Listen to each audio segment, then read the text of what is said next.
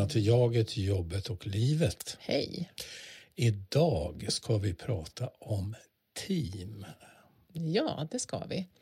Och till vår hjälp så kommer vi att ha Maria Åkerlund som är psykolog som särskilt intresserat sig för det här området Mm, och eh, även skrivit ett antal böcker på temat. Mm, det blir spännande. Ja, Ja. Ja, och då har vi Maria Åkerlund med här på telefon. Hej Maria! Hej, Hej. Välkommen! tack så hemskt mycket. Ja, du, eh, vi har ju presenterat dig lite kort här innan, men eh, ska vi säga lite mer? Vem är du? Ja, med risk för att säga samma som ni har sagt då, så är jag ju psykolog Mm. eh, sen, sen en massa år och eh, jag säger alltid att jag arbetar inom området arbetspsykologi. Mm. mm, för jag tycker det har liksom en fin klang, det har en lång historia. Det, det är ett ärorikt eh, fält inom psykologin tycker jag. Mm. mm, mm. Så- Håller så med. Jag känner stolt, stolthet över det. Eh, och ibland så kallar vi oss för organisationskonsulter också. Mm. Mm. Och det är också bra, men jag gillar arbetspsykolog ännu bättre. Mm. Eh, och sen är jag, så, så det gör jag ju där. Och sen är jag också VD och eh, delägare av ett företag som heter GDQ Associates Mm. tillsammans med min kollega Christian Jakobsson som eh, är också allt det där som jag sa att jag är plus att han är forskare på Göteborgs universitet. Eh, och GDQ Associates äger ett test som heter GDQ, eller ett, mät, ett, ett frågeformulär. Mm. Mm. Mm. Vad var det som gjorde att du började intressera dig för team? Jo, eh, jag har ju liksom båda ni två hållit på med, nå- med SCT, systemcentrerad träning, Mm. i jättemånga år. Mm. Eh, och, och systemcentrerad träning det innebär att man sitter i grupp och, eh, och upplever och pratar om hur det är att vara i grupp och arbetar tillsammans på att få den att bli just systemcentrerad, det vill säga att man ska se gruppen som en helhet och se sig själv som en del i någonting större. Eh, och komma lite grann eh, över sig själv så att säga. Ja. Mm. Förstå Mm. också, och också att förstå att hur man agerar som person och individ i en grupp har minst lika mycket att göra med det sammanhanget som gruppen är Mm. som med ens egen personlighet. Mm. Och, och alla de åren som jag höll på med det där så eh, jag kom fram till att varför jag tyckte så mycket om det var att jag tyckte det var det sammanhang i hela mitt liv som eh, jag tyckte lärde mig mest om vad det är att vara människa helt enkelt. Att lära Mm. sig att förstå de, de mänskliga villkoren, att vara utelämnad och beroende av andra människor och Mm, berikad mm. av andra människor. Mm. Sen tycker jag också att, att det här med team är teoretiskt oerhört roligt därför att det är så komplext. Det ger verkligen utrymme för komplexitet och, och vrida och vända på det hela och se det från olika håll. Mm. Så, så det är underhållande. Ja. Mm. ja. Mm. Alltså, jag har ju hämtat från lite olika håll och jag är verkligen eh, väl, brukar försöka vara tydlig med att det, vi har, det man väljer, det jag har valt, det är ju subjektivt. Mm. Att man hittar någonting man gillar och sådär. Mm. Så, så dels har jag ett samarbete med, med eh, skaparen av GDQ. Så det har influerat mig väldigt mycket. Sen åker jag på eh, konferens i USA varje år och som numera har det varit digitalt då. Där man får höra amerikanska i första hand, men även lite andra forskare, prata om teamforskning. Eh, och jag tycker nog med, med hänsyn tagen till vilken begränsning det ändå finns i det då, så tycker jag nog att det har, har också varit intressant eftersom den här teorin är underhållande och Mm. se hur, jag ändå, kan- hur det hänger ihop. Mm. Mm. Så att man hela tiden kan bygga en allt större modell liksom, Mm. Mm. och in, integrera de här olika Mm. sätten att Mm. tänka och se. Ja, men du, det här området med team då, då om vi ska liksom ta oss in i det lite grann här så kan Mm. man väl börja med att försöka se om du kan hjälpa oss här att sortera. Vad, vad är ett team? Skulle du säga? Ja, Mm. Ja. Eh, för det första är det ju en uppsättning människor Mm. Mm. Eh, och, och, samtidigt som jag säger det så tänker jag ibland att det är det inte alls, utan det är en uppsättning, ibland säger jag det till grupper också, att ni kanske tror att den här gruppen består av människor, men det är fel. Den består av, den består av en uppsättning uppgifter. Ah, ja, mm. okay. Som ska utföras och sen har ni kommit in här och liksom tagit hand om de uppgifterna, men mm. det är mm. egentligen målet som sen är nedbrutet i uppgifter som gör teamet. Ah, ja. Eh, men, men, om man, och, och, det står jag kvar vid, att det liksom börjar ju egentligen med det. Men, men, man kan säga att det är åtminstone två personer som samarbetar och interagerar, och, det vill säga har ett utbyte. Så de måste känna till varandra och det måste överlämnas information och annat mellan dem. Mm. Eh, och sen så för den, den eviga frågan är, finns det också en övre gräns?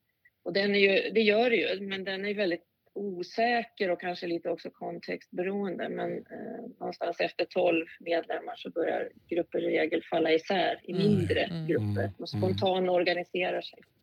Och sen är det just det att de måste ha ett, ett eller flera gemensamma mål. Mm. mm. Eh, och, och, det målet ska ju ha att göra med någonting som är viktigt för organisationen och för, för andra intressenter. Mm. Eh, och de, det här målet ska också gå att bryta ner i uppgifter som kräver samarbete. Mm. Annars är det en grupp individuella rollinnehavare. Just det. Mm. De, måste, mm. ja, de måste behöva samarbeta för att klara av det. Sen får de också gärna ha olika ansvar för olika saker. Alltså att det inte, inte samma roll allihop utan mm. var och en ska bidra unikt helst. De ska alltså behöva varandra, inte bara för att hantera en arbetsmängd utan för att inte en person kan ha all kompetens. Mm. Att det behöver vara flera. Mm. Och sen, sen, och, så det där är, och de ska ingå liksom i en organisatorisk sammanhang. Sen finns det vissa forskare som också talar om, eller många forskare, när jag tänker närmare på saken, tror jag att det ska finnas ett, en, tid, ett, en tidaspekt på det här så att de ska finnas över tid och att det, det då kan hända saker över tid. Eh, så man kan inte tänka sig att en, en, ett team uppstår en dag och så är det färdigt på eftermiddagen, på morgonen mm. och sen på eftermiddagen. Eller ja, mm. Det, mm. det, är svårt att tänka sig det. Mm. Och eh, Michael West pratar också om att team, riktiga team ska vara reflexiva. Ja, och vad menar, vad menar han då? Ja. Att, man, att teamen regelbundet stannar upp och reflekterar ja. över ja. sina mm. samarbetsprocesser. Mm. mm. Så det är ganska, om man ska vara riktigt sådär eh, specifik då, vad man menar när man säger team, så är, så är det ganska många kriterier egentligen. Ja. Mm. För jag tänker annars det viktigaste så, tycker jag är det ömsesidiga beroendet. Ja, ja, just det. För jag tänker man stöter ju på många organisationer där det kallas team och egentligen så är det mm. en organisatorisk lösning på mm. någonting. Ja, jag hörde det här mm. uttrycket pseudoteam någonstans. Mm, mm. Ja. ja, det är Michael West. Mm. Ja, ja, okej. Okay. Mm. Just det. Så, och, då, och det är team som precis kallas för det man inte fyller de här kriterierna. Och, och, inte, inte reflexiva och så vidare. Och, och det är förknippat med problem. Organisationer, eh, och han har ju huvudsak jag tror att han har kommit fram till de här slutsatserna om pseudotimmar. Han har forskat just på sjukvårdsorganisationer. Mm. Och, och då har det visat sig att de eh, organisation, sådana organisationer som har en hög andel pseudotimmar har också mer, eh, mer misstag görs, det är våld mm. ifrån eh, patienter mot de här medlemmarna och det är sjukskrivningar. Mm. Mm. Jag kan tänka mig också för den närmsta omgivningen att det kan uppstå mycket Eh, felaktiga förväntningar. Eh, eh, för mm, Begreppet team liksom ger ju ändå associationer till att, att här är några som är sammansvetsade och jobbar tillsammans och så mm. vidare. Och bör då i kraft av det kunna uppnå mm. väldigt högt mm. ställda mål. Mm. Eller, ja, och så där. Inte orealistiska mål, utan liksom, men högt ställda mål. Och så går det inte att leva upp till det för man har inte alls den, den strukturen, eller? Nej. Precis. Och sen tror jag också att det, det skapar en förväntan hos medlemmarna. Att ja. de ska mm. få ingå i någonting. Mm. Och så finns inte det. Och jag pratade med en person om det här och jag har liksom när jag föreläste, det, jag pratade med många då mm. och pratade om det här och ibland blir folk lite störda av mm. den här definitionen. Ja. De gillar inte riktigt det.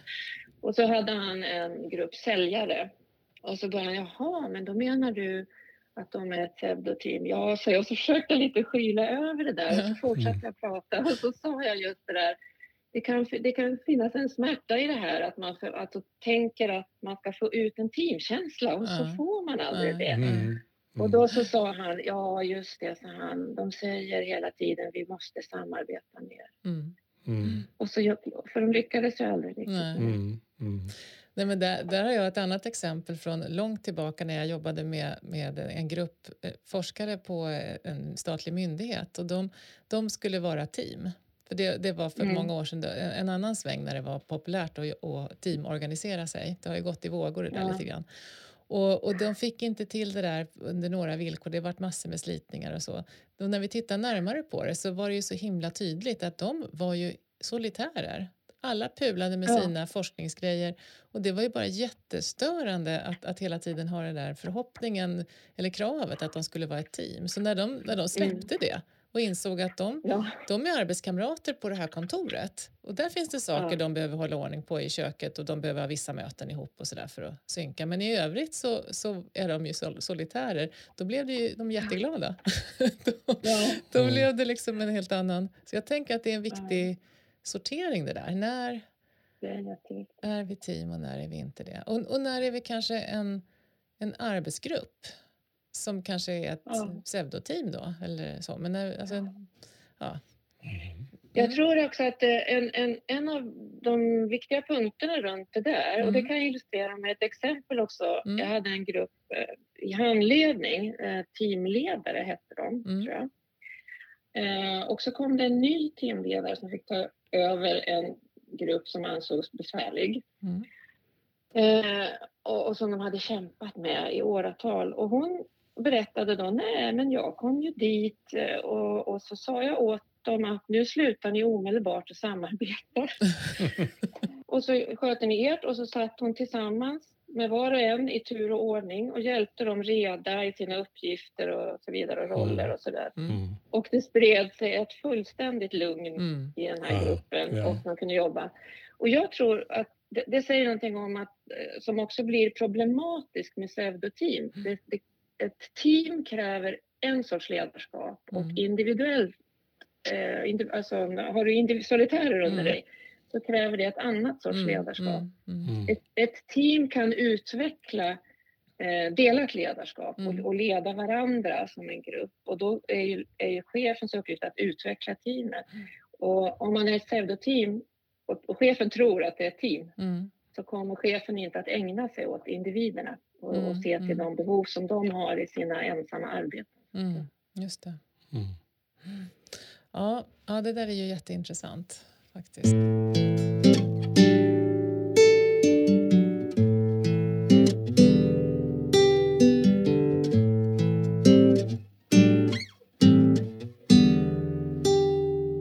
Ja, men eh, det finns ju en massa olika ansatser då ändå till att försöka beskriva utvecklingen hos team. Um, mm. Mm, och, och, vi, du och jag, Palle, vi har ju varit ganska förtjusta i det, i Susan Whelans sätt att beskriva det hela. Jag anade att du var på väg åt det ja, hållet. Ja, eller hur? Och mm. det, det är ju lämpligt eftersom du har hand om hennes test. Eller Maria? Ja. Men jag, jag, tycker att det, det kan vi... Du, du, kan få berätta lite grann om, om, om den, den ansatsen kanske och hur det ser ut. Men, men det finns ju också andra andra modeller.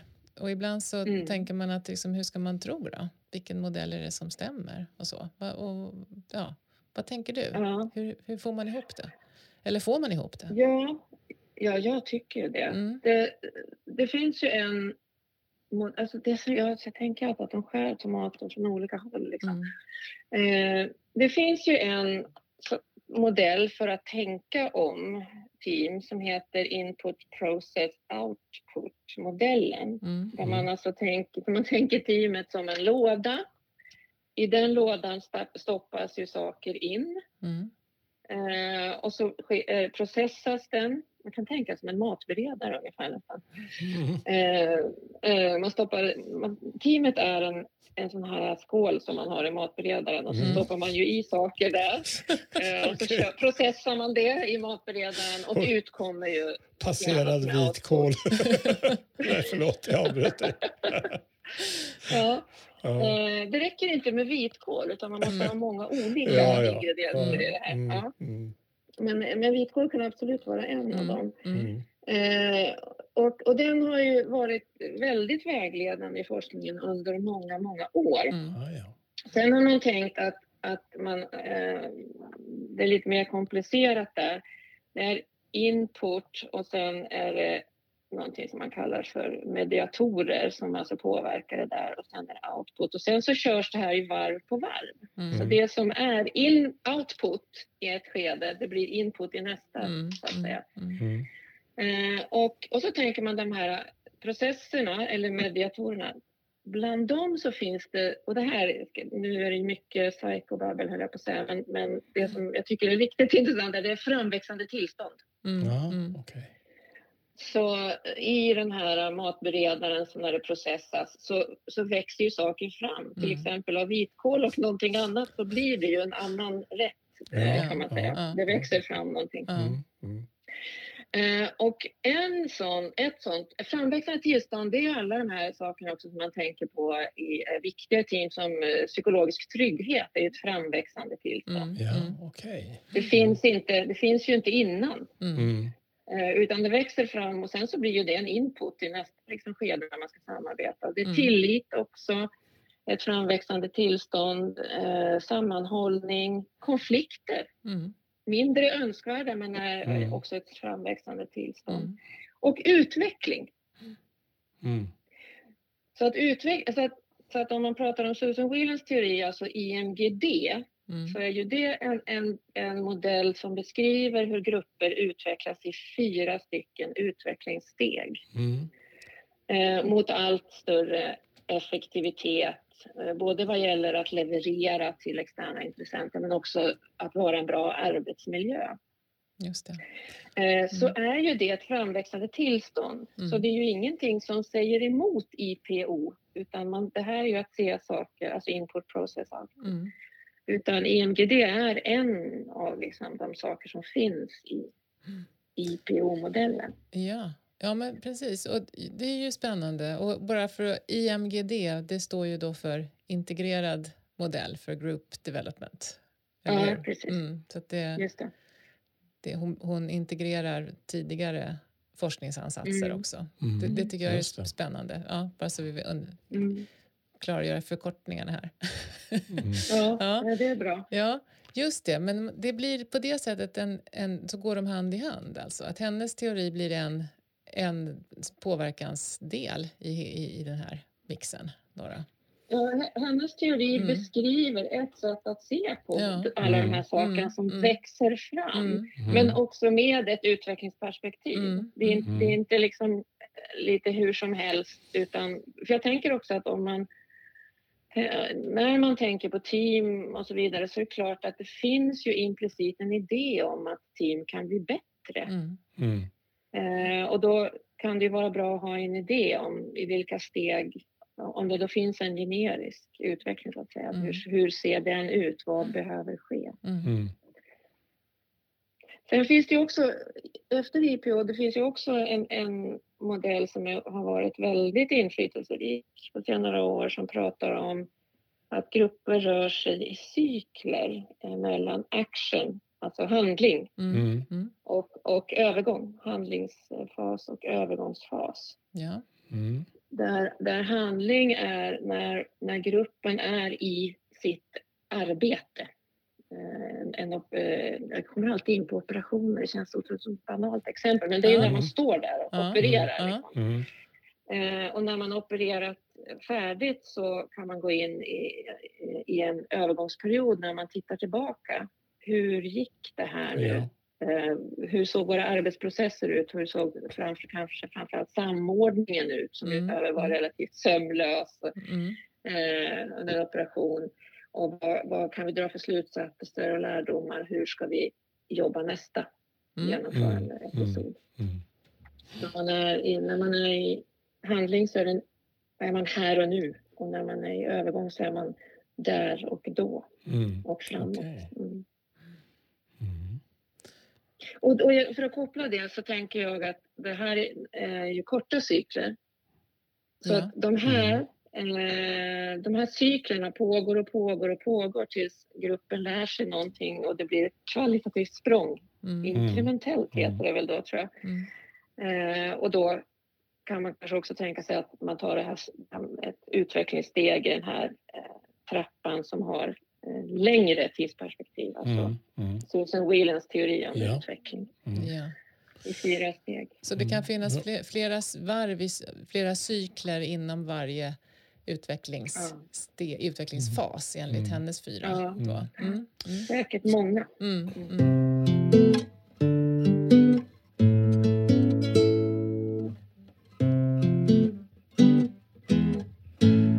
Susan Whelans modell har ju rönt väldigt stor popularitet under senare år. Mm. Men kanske det är ändå bra, så att det är säkert många lyssnare som har kommit i kontakt med den på ett eller annat sätt. Men kanske kan Mm. ändå vara bra här och nu att bara snabbt, eller inte för snabbt, gå igenom de här fyra utvecklingsstegen så att säga. Mm. Så att vi får li- lite Ja. grepp om vad, vad är det för liksom övergripande skeende som, som, som äger rum med, en, med ett team eller en, en grupp Mm. vad det gäller den här Mm. utvecklingsdelen. Ja, då tänker hon sig att när ett team är är nytt, det vill säga man kanske startar upp ett team Mm. eller ett befintligt team har, har fått byta ut en stor del av sina medlemmar. Då är Mm. det liksom också nytt, nytt Mm. bemärkelse. Då präglas teamet av en upptagenhet av frågor om tillhörighet och trygghet Mm. eftersom medlemmarna inte känner varandra. Mm. Mm. Och inte bara det, de känner inte sina uppgifter och de känner inte målen Mm. mer än på, på ett relativt abstrakt plan. Mm. Eh, och de känner inte arbetsprocesserna som behöver eh, komma till för att, för att uppnå de här målen. Så att det är väldigt mycket som är vagt och osäkert. Mm. Mm. Eh, och, och eftersom man då som människa då, eh, det ligger i den mänskliga, de mänskliga villkoren, så vill vi känna tillhörighet. Vi är ju Mm. flockdjur. Mm. Eh, Och, och, och det handlar ju om ren och skär överlevnad, även om det kanske inte det, det är en psykologisk överlevnad vi pratar om här. Då. Mm. Så vill vi tillhöra och det kräver att vi hittar någonting som förenar. Mm. Så vi, förs- vi försöker hitta hos de andra det vi känner igen och vi försöker likna varandra. Alltså Mm. vi ap- apar efter kan man säga, Mm. imiterar varandra. Mm. Eh, och det innebär ju också att det väldigt snabbt blir normer. Det uppstår ju normer. Normer är ju hur vi gör. Så man är försiktig och snäll och så vidare för att hitta tillräckligt mycket likhet Mm. Mm. eh, och känna trygghet då. Och när man blir trygg så tröttnar man på att vara så här eh, snäll och Mm. undfallande. Mm. Ja. Eh, och i en miljö av likhet så kan man öppna sig för... Så, så en miljö av likhet ger lugn och trygghet och då kan man också öppna sig för olikheter. Mm. Och, och, så får, så då, då flyter de upp Mm. Mm. som ett brev på posten och eh, då kommer vi också upptäcka att vi tycker olika. Mm. Så det, den andra, den, den andra Mm. fasen heter opposition och konflikt och när vi Mm, upptäcker olikheterna så är det minst eh, motsättningar men det, Mm. och sen kanske också konflikter. och det är ju funktionellt eftersom vi behöver ha mer och mer tillgänglig information i gruppen, tillgängliga resurser. Vi Mm. behöver få mer och mer nyanser i det här. Och det andra, så, så det är en uppgift här för gruppen att, att eh, utöka förråden så att säga. Mm. Och det andra är att frigöra sig från, från det första stadiets ledarberoende. Mm. För det, det är också en del av det här första stadiet, tillhörighet och trygghet präglas av ledarberoende. Och det gör ju att man, man hamnar i opposition helt enkelt mot Mm, ledaren. mm. Eller åtminstone, åtminstone några medlemmar gör det. Mm. Och det är också funktionellt därför Mm. att man behöver ha fler medlemmar engagerade i ansvaret för Mm. gruppen. Mm. Och också frigöra människors eh, resurser när de kommer Mm. ur barnrollen liksom, och kommer in i Ja. vuxen. Ja. Och om man då lyckas med de sakerna eh, och den här, det här stadiet kan verkligen variera. Jag tror en del grupper går relativt eh, smärtfritt igenom det här och vissa grupper har, har väldigt det här kan vara väldigt svårt. Mm. Mm. Det här är ett ställe man, finnas... man, kan fastna på, tänker jag, om man inte ja. hittar lösningar riktigt. Mm. Ja. Men jag, jag mm. funderar över dynamiken där mellan det här första trygghetssökandet och sen att man kommer in mer i ett, i ett eh, man blir mer synliga för varandra och hamnar mer i opposition. Så att eh, mm. om jag skulle börja nu idag i ett nytt team och jag är en förälder bland annat vars barn har flyttat hemifrån, fått egna barn i ett fall och så vidare. Så kan man tänka sig då att om jag kommer in i ett nytt team så är jag mer intresserad av det här med tillhörigheten just att eh, söka likheter och se. Jag liksom lyssnar och luskar ut andra teammedlemmar om de befinner sig i ungefär liknande livssituation. Mm. Och då fyller det mig med, om det då är två, tre stycken som, som liksom redovisar samma glädje och bekymmer kring sånt här. Att, att, åh, då, då mm. börjar jag känna mig lite trygg i den här gruppen. Och sen kan det till och mm. med bli, bli så att när man övergår in i stadie två så eh, kan det där ligga och spöka den här gemenskapen man hade med några. För nu börjar man tycka olika om olika arbetsrelaterade frågor och så vidare. Att det blir liksom ja, en, att, att släppa de här lite mer personliga relationen man bygger upp i början, mm. eller? Det, där finns till och, det finns till och med mm.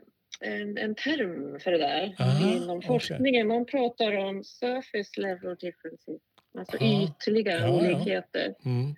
Och eh, deep level, djupa mm. olikheter. Ja, okay. som, som man också vet har på... Alltså, ytliga är ju, det är dels det vi kan se rakt upp och mm. ner. Mm. Eh, som till exempel kön i de flesta fall. Och, mm et, kanske etnicitet, mm. kulturella skillnader kan synas. Både, det kan vara både ytliga och djupa mm. och så vidare. Mm. Och ålder och mm.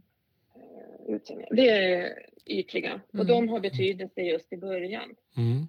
Mm. Medan de här djupa, de tar ju, det tar lång tid att, att förstå de här skillnaderna. Mm. Alltså de dyker upp och då, så, så de dyker ju upp senare. Och det kan ju också vara värderingar. Just det. Eh, dels kompetenser tar det ett tag att förstå. På, mm. eh, vad, är det man tillför i teamet? Så det, är en sån djup eh, olikhet mm. och också värderingar. Mm. mm. Men det kan, ju, det kan ju definitivt göra att subgrupperna förändras. Att först så tyckte vi att vi hade ju samma eh, upplevelse av det här med föräldraskap. Mm. mm. Och sen så plötsligt så upptäcker vi att vi tycker helt olika mm. i andra mm. saker när vi kommer längre fram. Mm. Så det kan, ju, det kan ju vara omskakande. Mm. Ja, mm. ja. Mm, och vad händer sen då? Hur går jo, mm. det, sen, då är det så här också, om man, och det tycker jag är kul att tänka på. Anna-Lena, du nämnde ju också det att hon har inte hittat på allting från Nej. scratch utan hon har tittat på andra mm. forskare som mm. till exempel Benny Stock Shepard. Mm. Eh, bara en, ett exempel.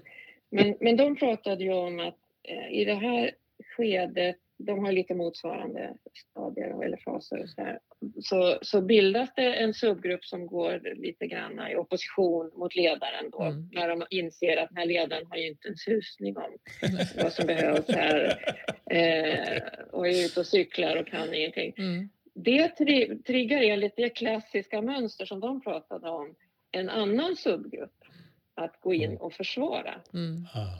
Eh, ledaren. Och sen, och sen så är de igång liksom. Mm. Men, men grejen är att de behöver ju göra en, eh, de behöver integrera sina olikheter och göra en bra omförhandling om makt. Och då, om de lyckas, så visar det sig att det, det skapar ju tillit mm. mellan medlemmarna mm. att ha visat sig som man är och ändå blivit, alltså här vi står fortfarande kvar så att säga, mm. när dammet har lagt sig. Så det är det enda sättet att skapa tillit. Man kan inte göra det genom artighet mm. Eh, i mm. stadie ett, utan man behöver pröva ja. och se att relationerna håller. Tricket med stadie två, opposition och konflikt, det är att inte hamna i att göra det personligt. Mm. mm. Nästan all forskning visar att det är ingen väg tillbaka. Faktiskt.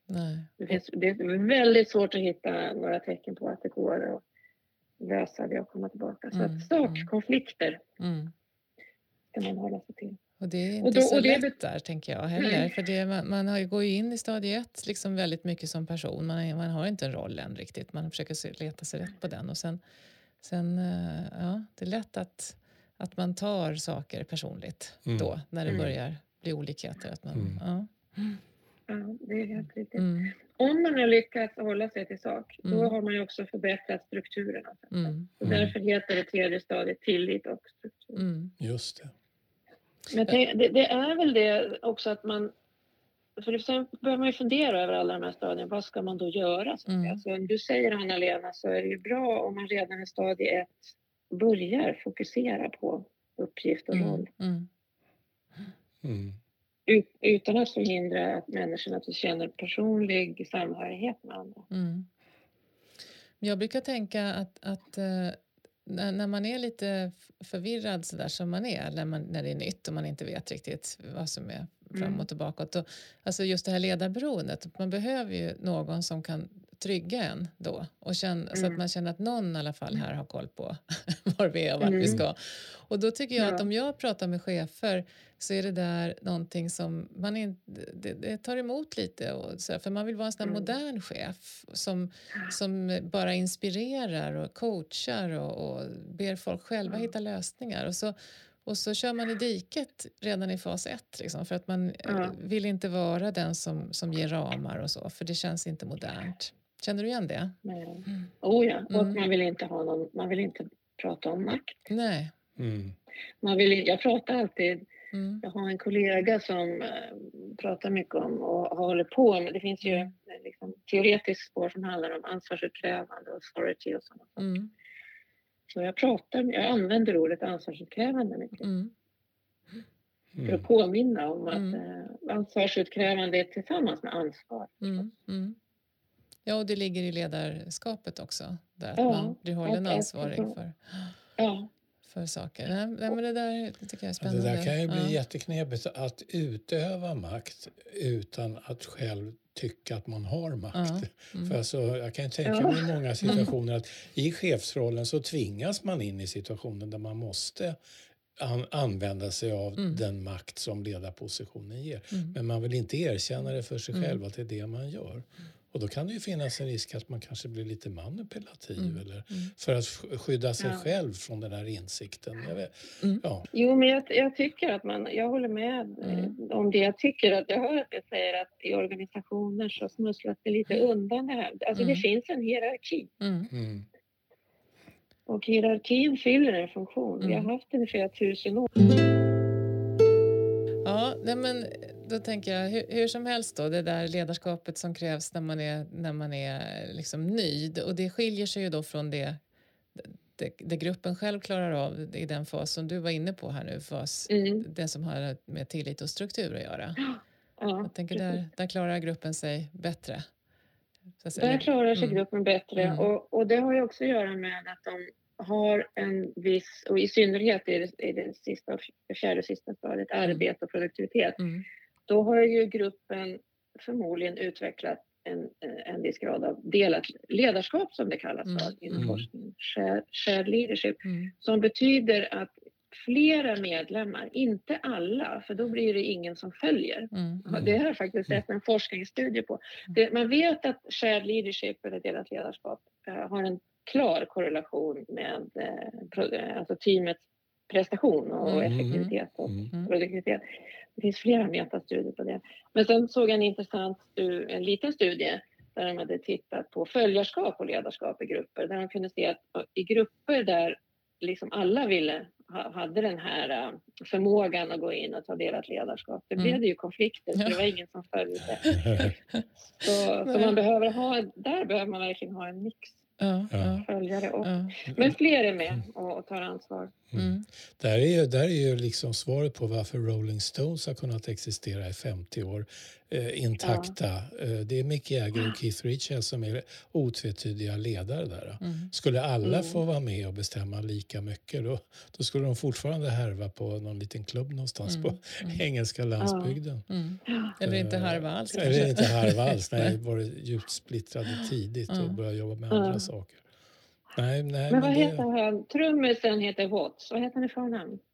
Eh, Charlie Watts, ja Charlie. Charlie Watts. ja. Ja, för han har, jag hör, hörde att en, han brukar, jag tror det är min man som alltid säger, men han säger att jag har haft ett fantastiskt liv. Jag, jag sköter mig själv och har det ledig och har det bra och så ringer Mick och säger nu ska vi och turnera. Okej, säger jag. Mm. Och så gör jag det. Ja, ja, Jag kommer. ja. Och gör min grej vid Ja, trummorna. Ja, Ja. det är bra följarskap det, är. Mick, det är Mick som ringer. Ja, ja, ja.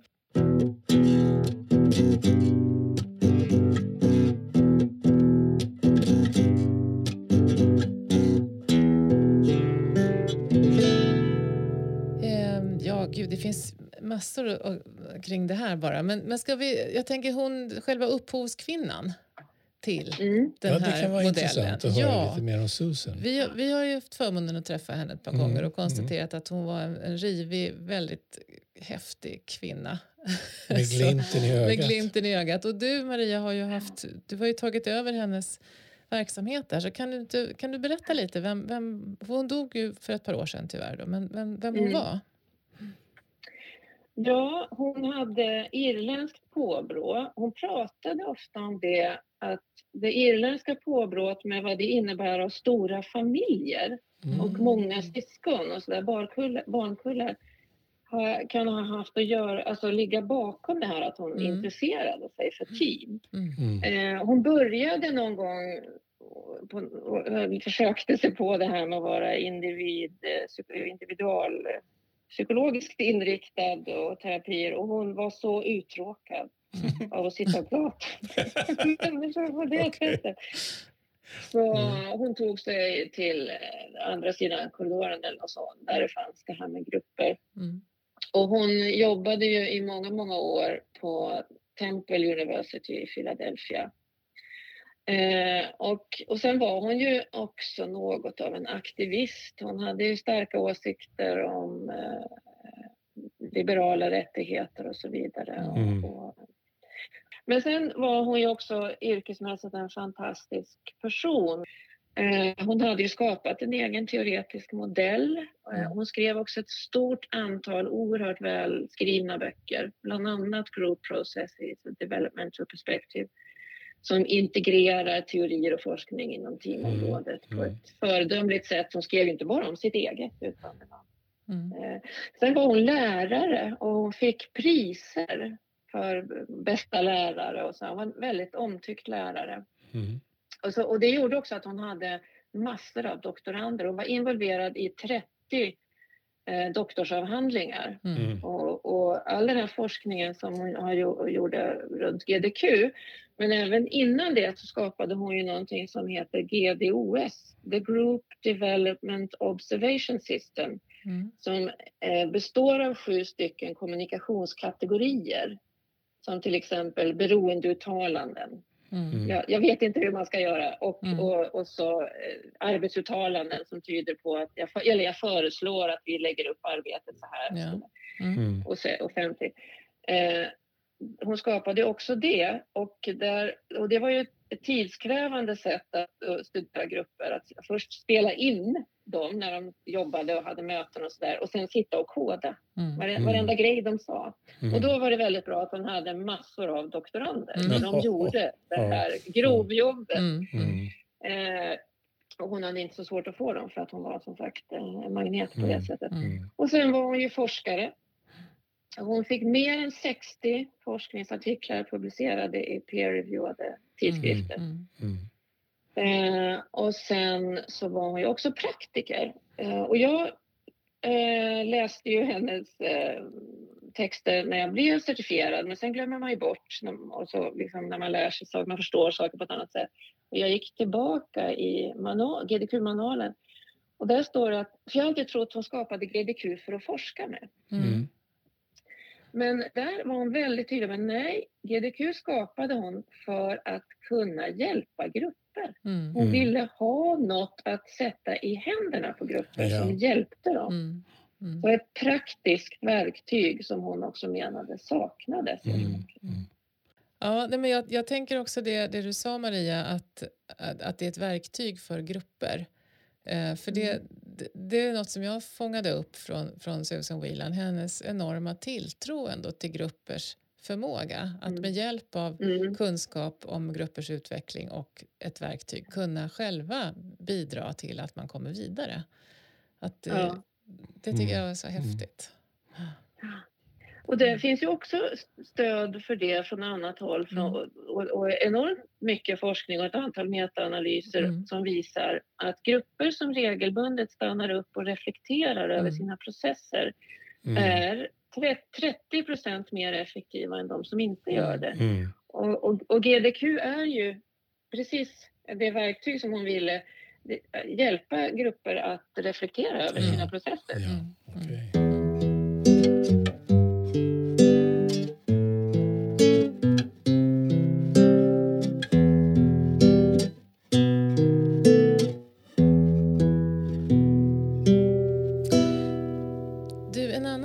Som jag tänker på det är ju att, att det Mm. finns ju det dyker ofta upp tycker jag. Är Folk som har varit med om en annan ansats till det här med grupp och team som handlar om att man börjar med individerna. Alltså att man ska Mm. sätta ihop för att få en bra, eh, ett bra team, en bra grupp så ska man ha jag brukar tänka att Mm. man, det blir lite grann som när man ska plocka lösgodis, att man ska ha en bra mix. Man ska ha några chokladbitar och några nappar och några salta fiskar. Så, så blir det bra.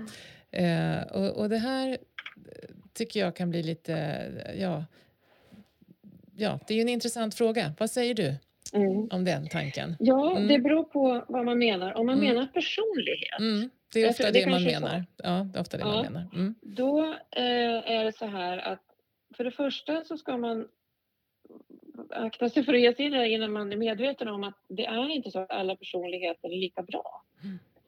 Eh, vilket man ibland kan höra i samband med vissa av de här stora testerna. Så det spelar ingen roll vad det är för allting är lika bra. Men, Mm. men det är inte riktigt så.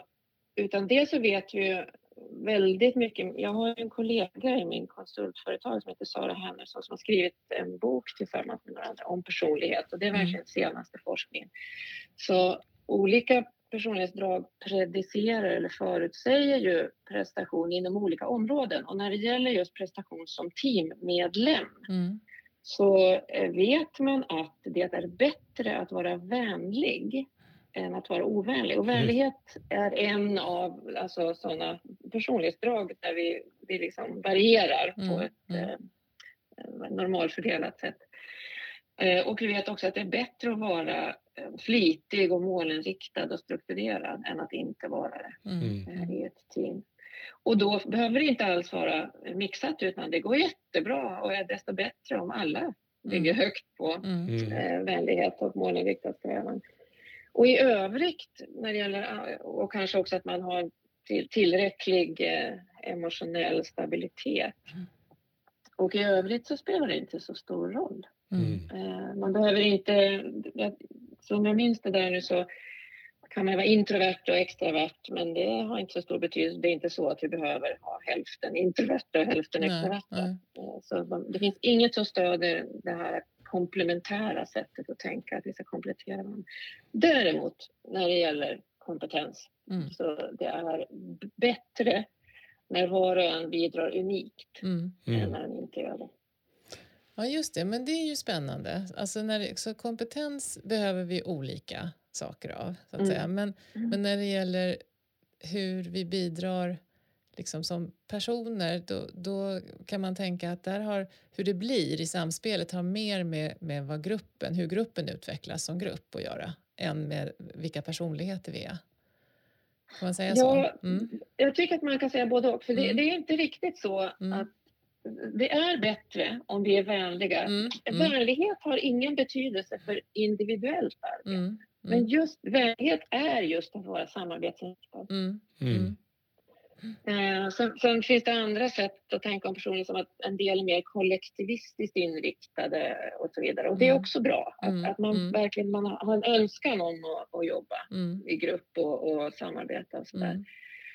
Mm. Eh, och också att man är, är flitig. Det är Mm. bättre, annars så blir folk irriterade Mm. Mm. för att man inte, inte bidrar. Mm. Eh, så så det, det, det, det är, man måste tänka att det, de här grupp... Dels så har vi normerna som vi pratade om Mm. och då räknar jag också in det här med att utvecklingsstadiet. de påverkar ju Mm. individerna. Mm. Men, men det finns också någonting som kommer från individuellt håll. Mm. Så, så man, kan, man kan tänka så här, gruppen är ny och det är många vänliga, flitiga människor där. Mm. Så, och, så när de interagerar så skapas samarbetsnormer och liksom, eh, effektivitetsnormer så här, Mm. Som styr oss. Men, men om, om människor som kommer in är ovänliga och inte då så flitiga, Mm. då bygger man ju de normerna. Så det Mm. har ju betydelse. Mm. Men, men när man väl har byggt normerna, då, då är det här med gruppdynamiken, det är ju då när, när de normerna finns. Mm. Och de är lite tröga, så de förändras inte snabbt. Mm. Men, eh, utan de för- förändras över tid. Så då styrs individerna av normen. Mm. Mm. Mm. Mm. Mm. Ja. Y- Ytterligare en sån här lite annan vinkel som jag fångar upp ibland det är att någon har hört att det gäller i en grupp att man, man är s- är snabb på att se vem som är det ruttna äpplet. Mm. Det låter förskräckligt. Ja, Mm. jag tycker också det. Syn-. Jag Scapegoat. Ja. Så går Mm. ju mina tankar när jag hör det. Och samtidigt så, så har jag förstått att det där fått ganska stort utrymme. Att det, att det gäller att hitta det ruttna äpplet så att inte all, hela gruppen blir fördärvad. Vad, vad, Ja. mm, vad tänker du om det? En, Mm, en reningsprocess. mm, Jo, men dels så tänker jag att, att det här med ruttna, så kallade ruttna äpplen, för det är också en, en hemsk benämning Mm. som är Mm. väldigt eh, också stänger av för eh, medkänsla, mm, verkligen. Så, ehm, men det är också dels det, men också den idén om att man ska hålla utkik mm, efter mm, dem. Mm. Det är ju någon slags övervaknings eh, mm, Mm. som också kan bli en självuppfyllande profetia. Mm. Mm. Det gäller att hitta, det, det är ju liksom hela havet stormar. Vem är det som ska bli utan stol här? mm, Mm. Eh, så det, det låter ju helt eh, förskräckligt. Mm. Eh, och eh, uppmuntrar ju våra, våra sämsta instinkter också. Mm. Mm. Det är också någonting som, det blir ju i sig, att, att om man har den utgångspunkten så Mm. kommer det att skapa en viss dynamik och en Mm. viss norm. mm, Mm. Då blir ju det norm, normerna i gruppen som styr Mm. vårt beteende. Att här letar vi efter. mm, Det, Susan Whelan pratade väldigt mycket om det fundamentala attribueringsfelet. ja, Det var en oerhört viktig eh, liksom, som var käpphäst, det låter så negativt, men alltså någonting som hon hade hängt upp mycket av sitt tänkande om mm, grupper på. mm, Att, att, och, det har ju mycket stöd, det har man ju prövat många gånger i en massa olika experiment och så vidare. Att när jag, om jag gör fel, mm, då vet jag ganska mycket om hur mycket otur jag hade Ja. och det hade om förutsättningarna emot mig och datorn gick sönder och jag vet inte allt vad som Mm. hände. Mm. Mm. Och det var bilkö. Så då behöver inte jag tänka att det berodde på att jag är en bristfällig Nej, människa utan nej, det var nej. bara. Mm. Men när andra gör fel så vet jag inte så mycket nej, om Mm. deras förutsättningar utan jag tänker att den där personen är inkompetent. mm, Ja. mm, mm, Eh, och, också att vi hela tiden just om gruppen har problem och det, alltså I stadie två som vi pratade om Mm. så kan man uppleva att det här är problematiskt. Mm, Det är otroligt mm. frustrerande att de andra har en annan åsikt. ja, Och, och får vi Mm. också emotionella pålagringar, att vi blir irriterade, vi, det känns spänningar och, och så vidare. Då är, ligger det och lurar där i vassen att vi börjar fundera på vems fel är det här? Mm. Mm. Mm. Varför ska jag behöva må så här? Det Mm. måste ju vara någons fel. mm, Och det är det fundamentala attribueringsfelet och det har man kunnat konstatera så många gånger och, och det låter ju som att ju mer man då uppmuntrar att leta efter det, Mm. det, det ruttna äpplet så uppmuntrar vi ett fundament Mm. och- Ja. som verkligen inte behöver uppmuntras för vi Mm. har det ändå. Ja, precis. Ja, nej, men det är intressant, för jag tycker också att det, det liksom går emot... Det, det är klart att det, att det kan finnas i enstaka fall någon person som har enorma svårigheter som inte går att hantera, som, som påverkar gruppen negativt. Mm. Men jag tänker att vi är så snabba, ofta som du säger, i den där Mm. ko- Mm. eh, oppositions och konfliktfasen. Att, att slu, sluta oss till det, att det är någon det är fel på. Mm. Inte mig, men någon annan som det är fel på. Ja. Och, och så kan vi bli eniga om det och så har vi saken klar. Inte så sällan är det ju chefen det är fel på också. Mm. Då.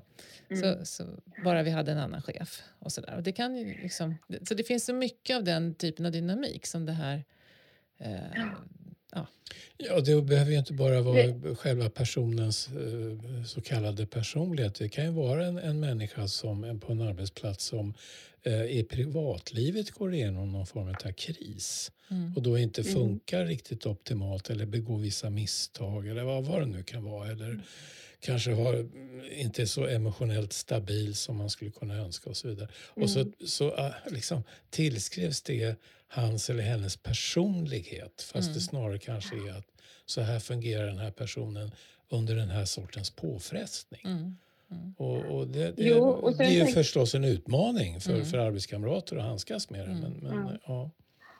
Men jag tycker också att det är så här att den personlighet vi föds med, den kan inte vi göra så särskilt mycket om Mm. med. mm, Mm. Och att det då ska kallas för att man är ett ruttet äpple, det är Mm. Mm, mm, mm, diskriminerande. mm, Mm. mm, Sen kan det ju vara att man helt enkelt inte har rätt kompetens mm, mm. också. mm, eh, som, som, som kan hanteras på ett... Eh, alltså att man inte gör det till en saklig Mm. fråga som man kan lösas.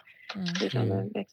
Eh, jag, för, no, för någon tid sedan så såg jag i, i flödena att Stefan Blomberg, som, jag hoppas jag säger hans namn rätt, som är liksom har eh, vuxenmobbing i Sverige. mm, Mm. Fors, forskar ju och, och jobbar med eh, mobbing i, affärs, i arbetslivet kan jag säga hade kommit med en forskningsartikel där, man, där de beskriver en studie där det visar sig att människor som blir mobbade, vilket ju då, man, om man blir kallad ett ruttet äpple, Mm. läsa här i mobbing, mm, tycka, mm, eh, de är ju mera, statistiskt mera benägna att sluta på ett Mm. jobb. Mm. mm, Mm.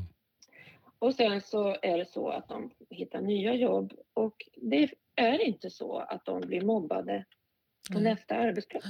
nej, Mm. Så det är inte så att de går runt med eh, ett, ett fel på sig som triggar Mm. mobbing. mm, Mm. Utan det är nog väldigt ofta så att det är gruppprocesser Mm. Ja, det är ju jätteintressant. Mm, Mm, mm, Mm. mm. Apropå den här balansen, liksom, individ och grupp, hur den där på, ömsesidiga påverkan.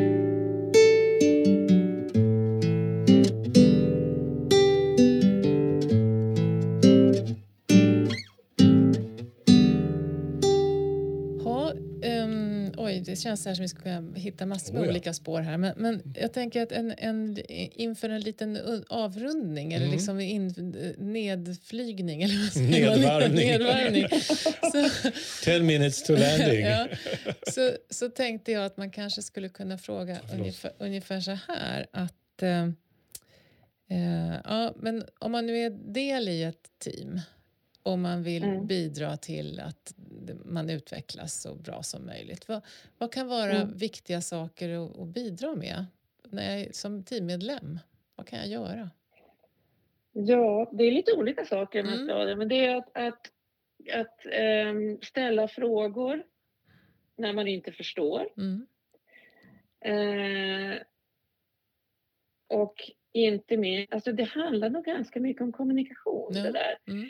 Eh, För ett av de viktigaste sakerna i team det är ju, eh, det, det, finns då forskare som säger att den absolut viktigaste processen i team det är informationsöverföring. Mm. Att Mm. in, inte den mängd information teamet har utan att teamet har fungerande processer. Ja. Att Mm. det hela tiden delas information. Mm. Mm. Och eh, en sak som jag är väldigt fascinerad av det är the common knowledge effect Mm. som innebär att team, de flesta team pratar om det som alla redan känner till. Mm. Eh, men för att bli ett effektivt team, och det här finns det verkligen, det är svart på vitt eh, Mm. metaanalyser, då måste man kunna att hela tiden medlemmar för in ny information som de andra inte känner till. Och där, vid den punkten, när människor gör det, Mm. Så måste andra medlemmar i teamet ha hand om den informationen. Mm. Eh, så jag tänker, det ena som medlem, ett, ett, två saker som verkligen är viktiga som medlem, det är att faktiskt våga ta klivet över tröskeln och föra in information som jag kanske eh, känner på mig att de andra inte Mm. redan har. Mm. Det är en stor risk för du kan få mothugg Mm. eller mötas av total tystnad. Men, men det behövs. Mm. Och det andra är att du hela tiden är uppmärksam på andra medlemmars inlägg så att Mm. du tar hand om dem, bygger, alltså Mm. antingen ställer intresserade frågor om dem eller upprepar det eller bygger vidare på det. Mm. Mm. Mm. Så om man, om man gör de två Mm, sakerna mm. Så, så kan man komma väldigt, väldigt långt. Ja. Och Mm.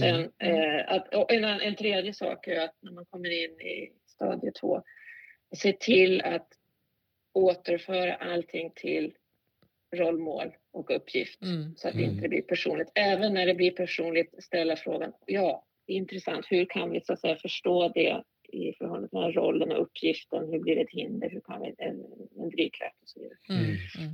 Mm. Just det. Så försöka hjälpas, hjälpas åt att hålla fokus på varför man är där och vart man ska. Mm. Mm. Mm. Mm. Och, ja. Och som, som, Sen göra sitt jobb. Sen göra sitt jobb, ja. Precis. Det var, ja, just det. Det var den lilla detaljen också. Ja, just det. det är Susan Whelan ibland sa, om jag minns det rätt. Ja. Show up sa hon först. Ja. Vad sa du? Man måste, kom- man måste komma, show up. Ja. Show up, Det ja var just det. Det är bra första steg. Man är Ja. där. Ja. Mm. Mm. Just det. Och om man, är, om man är ledare för ett team då? Vad, vad kan man vara viktigt att liksom ha med sig? Tänka på. ja, det första är ju att förstå att det är ett team man leder. Mm. Eh, det- är också intressant, man ser kopplingen också till ledarskapsforskning nu och transformerande ledarskap som man Mm. pratar mycket om, det här visionära och så vidare. Mm. Det, det har man också nyanserat. Det är inte riktigt lika nödvändigt om du leder individer, men det är väldigt bra när du har ett team. Mm, Därför att du, mm. ett team får ju lättare att få sammanhållning om ledaren kan samla dem runt både en vision och Mm. sig själv som ett föredöme. Mm. Mm. Så att tänka på det, att binda ihop teamet med, med sådana meningsfulla Mm. eh, syften och, och eh, Mm. visioner då, som man Mm. ska nå. Mm. Men sen att tänka också på att först vara eh, en föräldrafigur och Mm. sen eh, tåla att bli utmanad och Mm. Mm. gå, gå in i en rimlig förhandling om inflytande och Mm. sådär. Mm.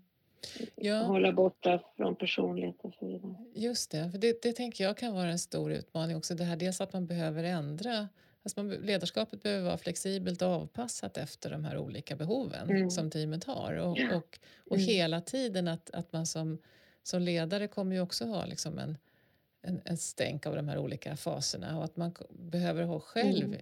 hålla ordning på att man inte hamnar i att bara ta det Mm. personligt eller agera utifrån sig själv som Mm. person. Ja. Det, det tänker jag är en rätt stor utmaning som ledare Ja, och viktigt. på Mm. slutet där behöver man ju inte ta det personligt att de inte bryr sig Nej. så mycket om Nej, precis.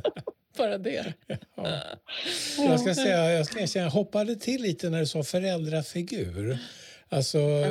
eh, kopplat till, till ledarskapet. Ja. För eh, man pratar ibland om att chefer ibland och ledare får ut så mycket föräldraprojektioner så att säga. Mm. Och då menar man ju Mm. det negativt. Mm. Men det här måste ju vara en positiv aspekt av det. Ja, men jag tänker att det, det vi har pratat om det som är just mer alltså som en guide på en, Mm. en tur. Man vill, man vill liksom inte att guiden Ja. säger att eh, du kan väl hitta fram själv här på Kebnekaise Ja, utan du, ja. man vill ju veta att det är någon som man kan hålla i handen och det är ju en sorts Mm. föräldrafigur. Ja, Det är ju liksom ja den- just det. ja. Jo, men det har jag upplevt själv Ja. när man har åkt turistbuss Ja, och sånt där. precis. Guiden, är guiden bra och trevlig, Ja, då känner man att det här var mysigt. ja. Liksom. Mm. Jag tänkte Susan pratade också om gruppen. Nu, nu, nu är ju chefen är ju en del, eller ledaren, Mm. beroende på vad den kallas, är ju också en del av gruppen, så Mm. inte utanför. Men, men, men gruppen som helhet är, hon pratade ju om att det finns en parallell till människans Mm. liv. Från Mm. barndom till Mm. Mm. pu- pubertet eller vad det Ja, heter. just det. Mm. Ja, det. tonår. Uh, ung vuxenhet och Mm. vuxenhet. Mm. Och sen åldrande. Så att. Mm. Mm. Mm. Men, men alltså, eftersom det just är ett beroende, gruppen Mm. är beroende och Mm. osjälvständig. Som, Mm. och Mm. som mm. från ett barn. Och det ska man inte heller ta personligt. Nej. Det är bara som det är. Mm, mm, mm, Oj, så mycket mat. Ja, precis. Men Maria, eh, du har ju faktiskt, om man vill liksom fördjupa sig vidare i hur, vad man, kan, hur man kan förstå team eller hur man kan bidra själv så, så har ju du skrivit några böcker här som kanske kan vara bra som medskick. Ska du ja, säga någonting om dem? Skrivit, ja. Ja, okay. Ingen ensam dock, eh, utan jag har, har sådana fina medförfattare. Så framförallt min eh, största stolthet är teamutveckling i teori och praktik. Mm.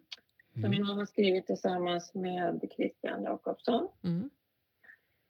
Sen har vi skrivit en bok tillsammans med två konsulter eh, som jobbade på IKEA. Eh, så det, det, var så vi stötte ihop och, mm, och gjorde mm. en massa gruppjobb där. Den heter, den heter Teams in the Spotlight. Mm. Och i svensk översättning heter den... Jag har glömt bort. Heter den kanske Allt ljus på teamet? På teamet heter den, ja. Allt ljus på teamet heter den. och sen så fick Christian och jag eh, förmånen att skriva då de nya delarna i den reviderade sjätte upplagan av Creating Effective Teams. Alltså så vidare. Eh, mm. Ja, så att där, där är, det ser helt bisarrt ut att vi är tre författare, Susan Whelan och jag och Christian. Men hon har ju faktiskt skrivit den från början. Mm. Mm. Eh, men vi fick hänga med där så det var mm. jättekul. Och mm. den finns också på svenska nu. Den har precis eh, kommit ut så att man kan köpa den. Mm, mm. Att skapa effektiva team och den har också kommit flera svenska. Den är röd numera. Mm. mm. Ja, men jättebra. Då kan man fördjupa sig lite mer i de här mm. resonemangen. För det känns ju som vi skulle kunna sitta och prata hur länge som helst ja, om det här. Det oh finns oh ja. massor med, mm. med, vinklar. Vi behöver avrunda. Ja, mm. det är väl så. vi måste besinna oss. Vi måste besinna oss, precis. Ja, det är väl så. Men jättekul Maria att du mm. ville ta dig tid att prata med oss. Verkligen. Det, verkligen ja, spännande. det var helt och hållet mitt nöje. Ja, ja. Mm. ja men toppen. Då säger vi ja. tack så mycket och på återhörande. Tack, tack. Ja. Jag önskar dig en skön sommar. Ja, mm. just det. Detsamma. Ja. Detsamma, ja. Hej då. Hej. Hej, hej. Ja, oj, det här är verkligen inspirerande tycker jag. Mm. Ja. Mm. Och för mig blir det också en, en sån stark och tydlig påminnelse om det här hur, vad grupper och, och, och team då, men alltså grupper generellt betyder för oss ja, i våra liv. Ja. Vilken inverkan det har på mm. oss. Och, och, ja, Ja, det är jättehäftigt. Hur beroende vi är av mänsklig gemenskap ja. och gemensamma mål och så vidare för att saker och ting ska funka. Mm. Och viktigt att, att liksom vårda de sammanhangen. Mm. Mm. Ja. ja. Nu närmar sig ju sommaren också med allt vad det innebär av uh, utökade gruppaktiviteter. Precis. Träffa ja. släkt och vänner Jajamän. och resa och komma till nya platser, allt mm. vad det kan vara. Mm. Um, ja, kanske kan man ha med sig en del av de här kunskaperna då, om, om grupper och team, mm, mm. även i de sammanhangen. Mm, Vem mm. vet? Och analysera varandra Eller på hur? släktträffarna. Jajamän. Men hörru du, vad ska vi prata om nästa gång? Det är sista gången innan sommaren. Ja, just det. Då, då tänkte vi väl att vi ska landa in lite i sommaren där med lite mer filosofiskt anslag. Ja. Och prata om eh, vårt behov av mening. Mm. Eh, och eh, också arbetets betydelse för oss existentiellt. Ja, ja. det kan bli i sig väldigt intressant. Ja, Då är det bara du och jag. Igen. Då är det bara vi. Ja, mm. ja då så. Så mm. gör vi. Då ses vi om tre veckor igen. Ja, och mm. hörs mm. framför allt. Ja, ja. hörs ja. Där har vi det. Okej, okay. hej då. Ja, hej då.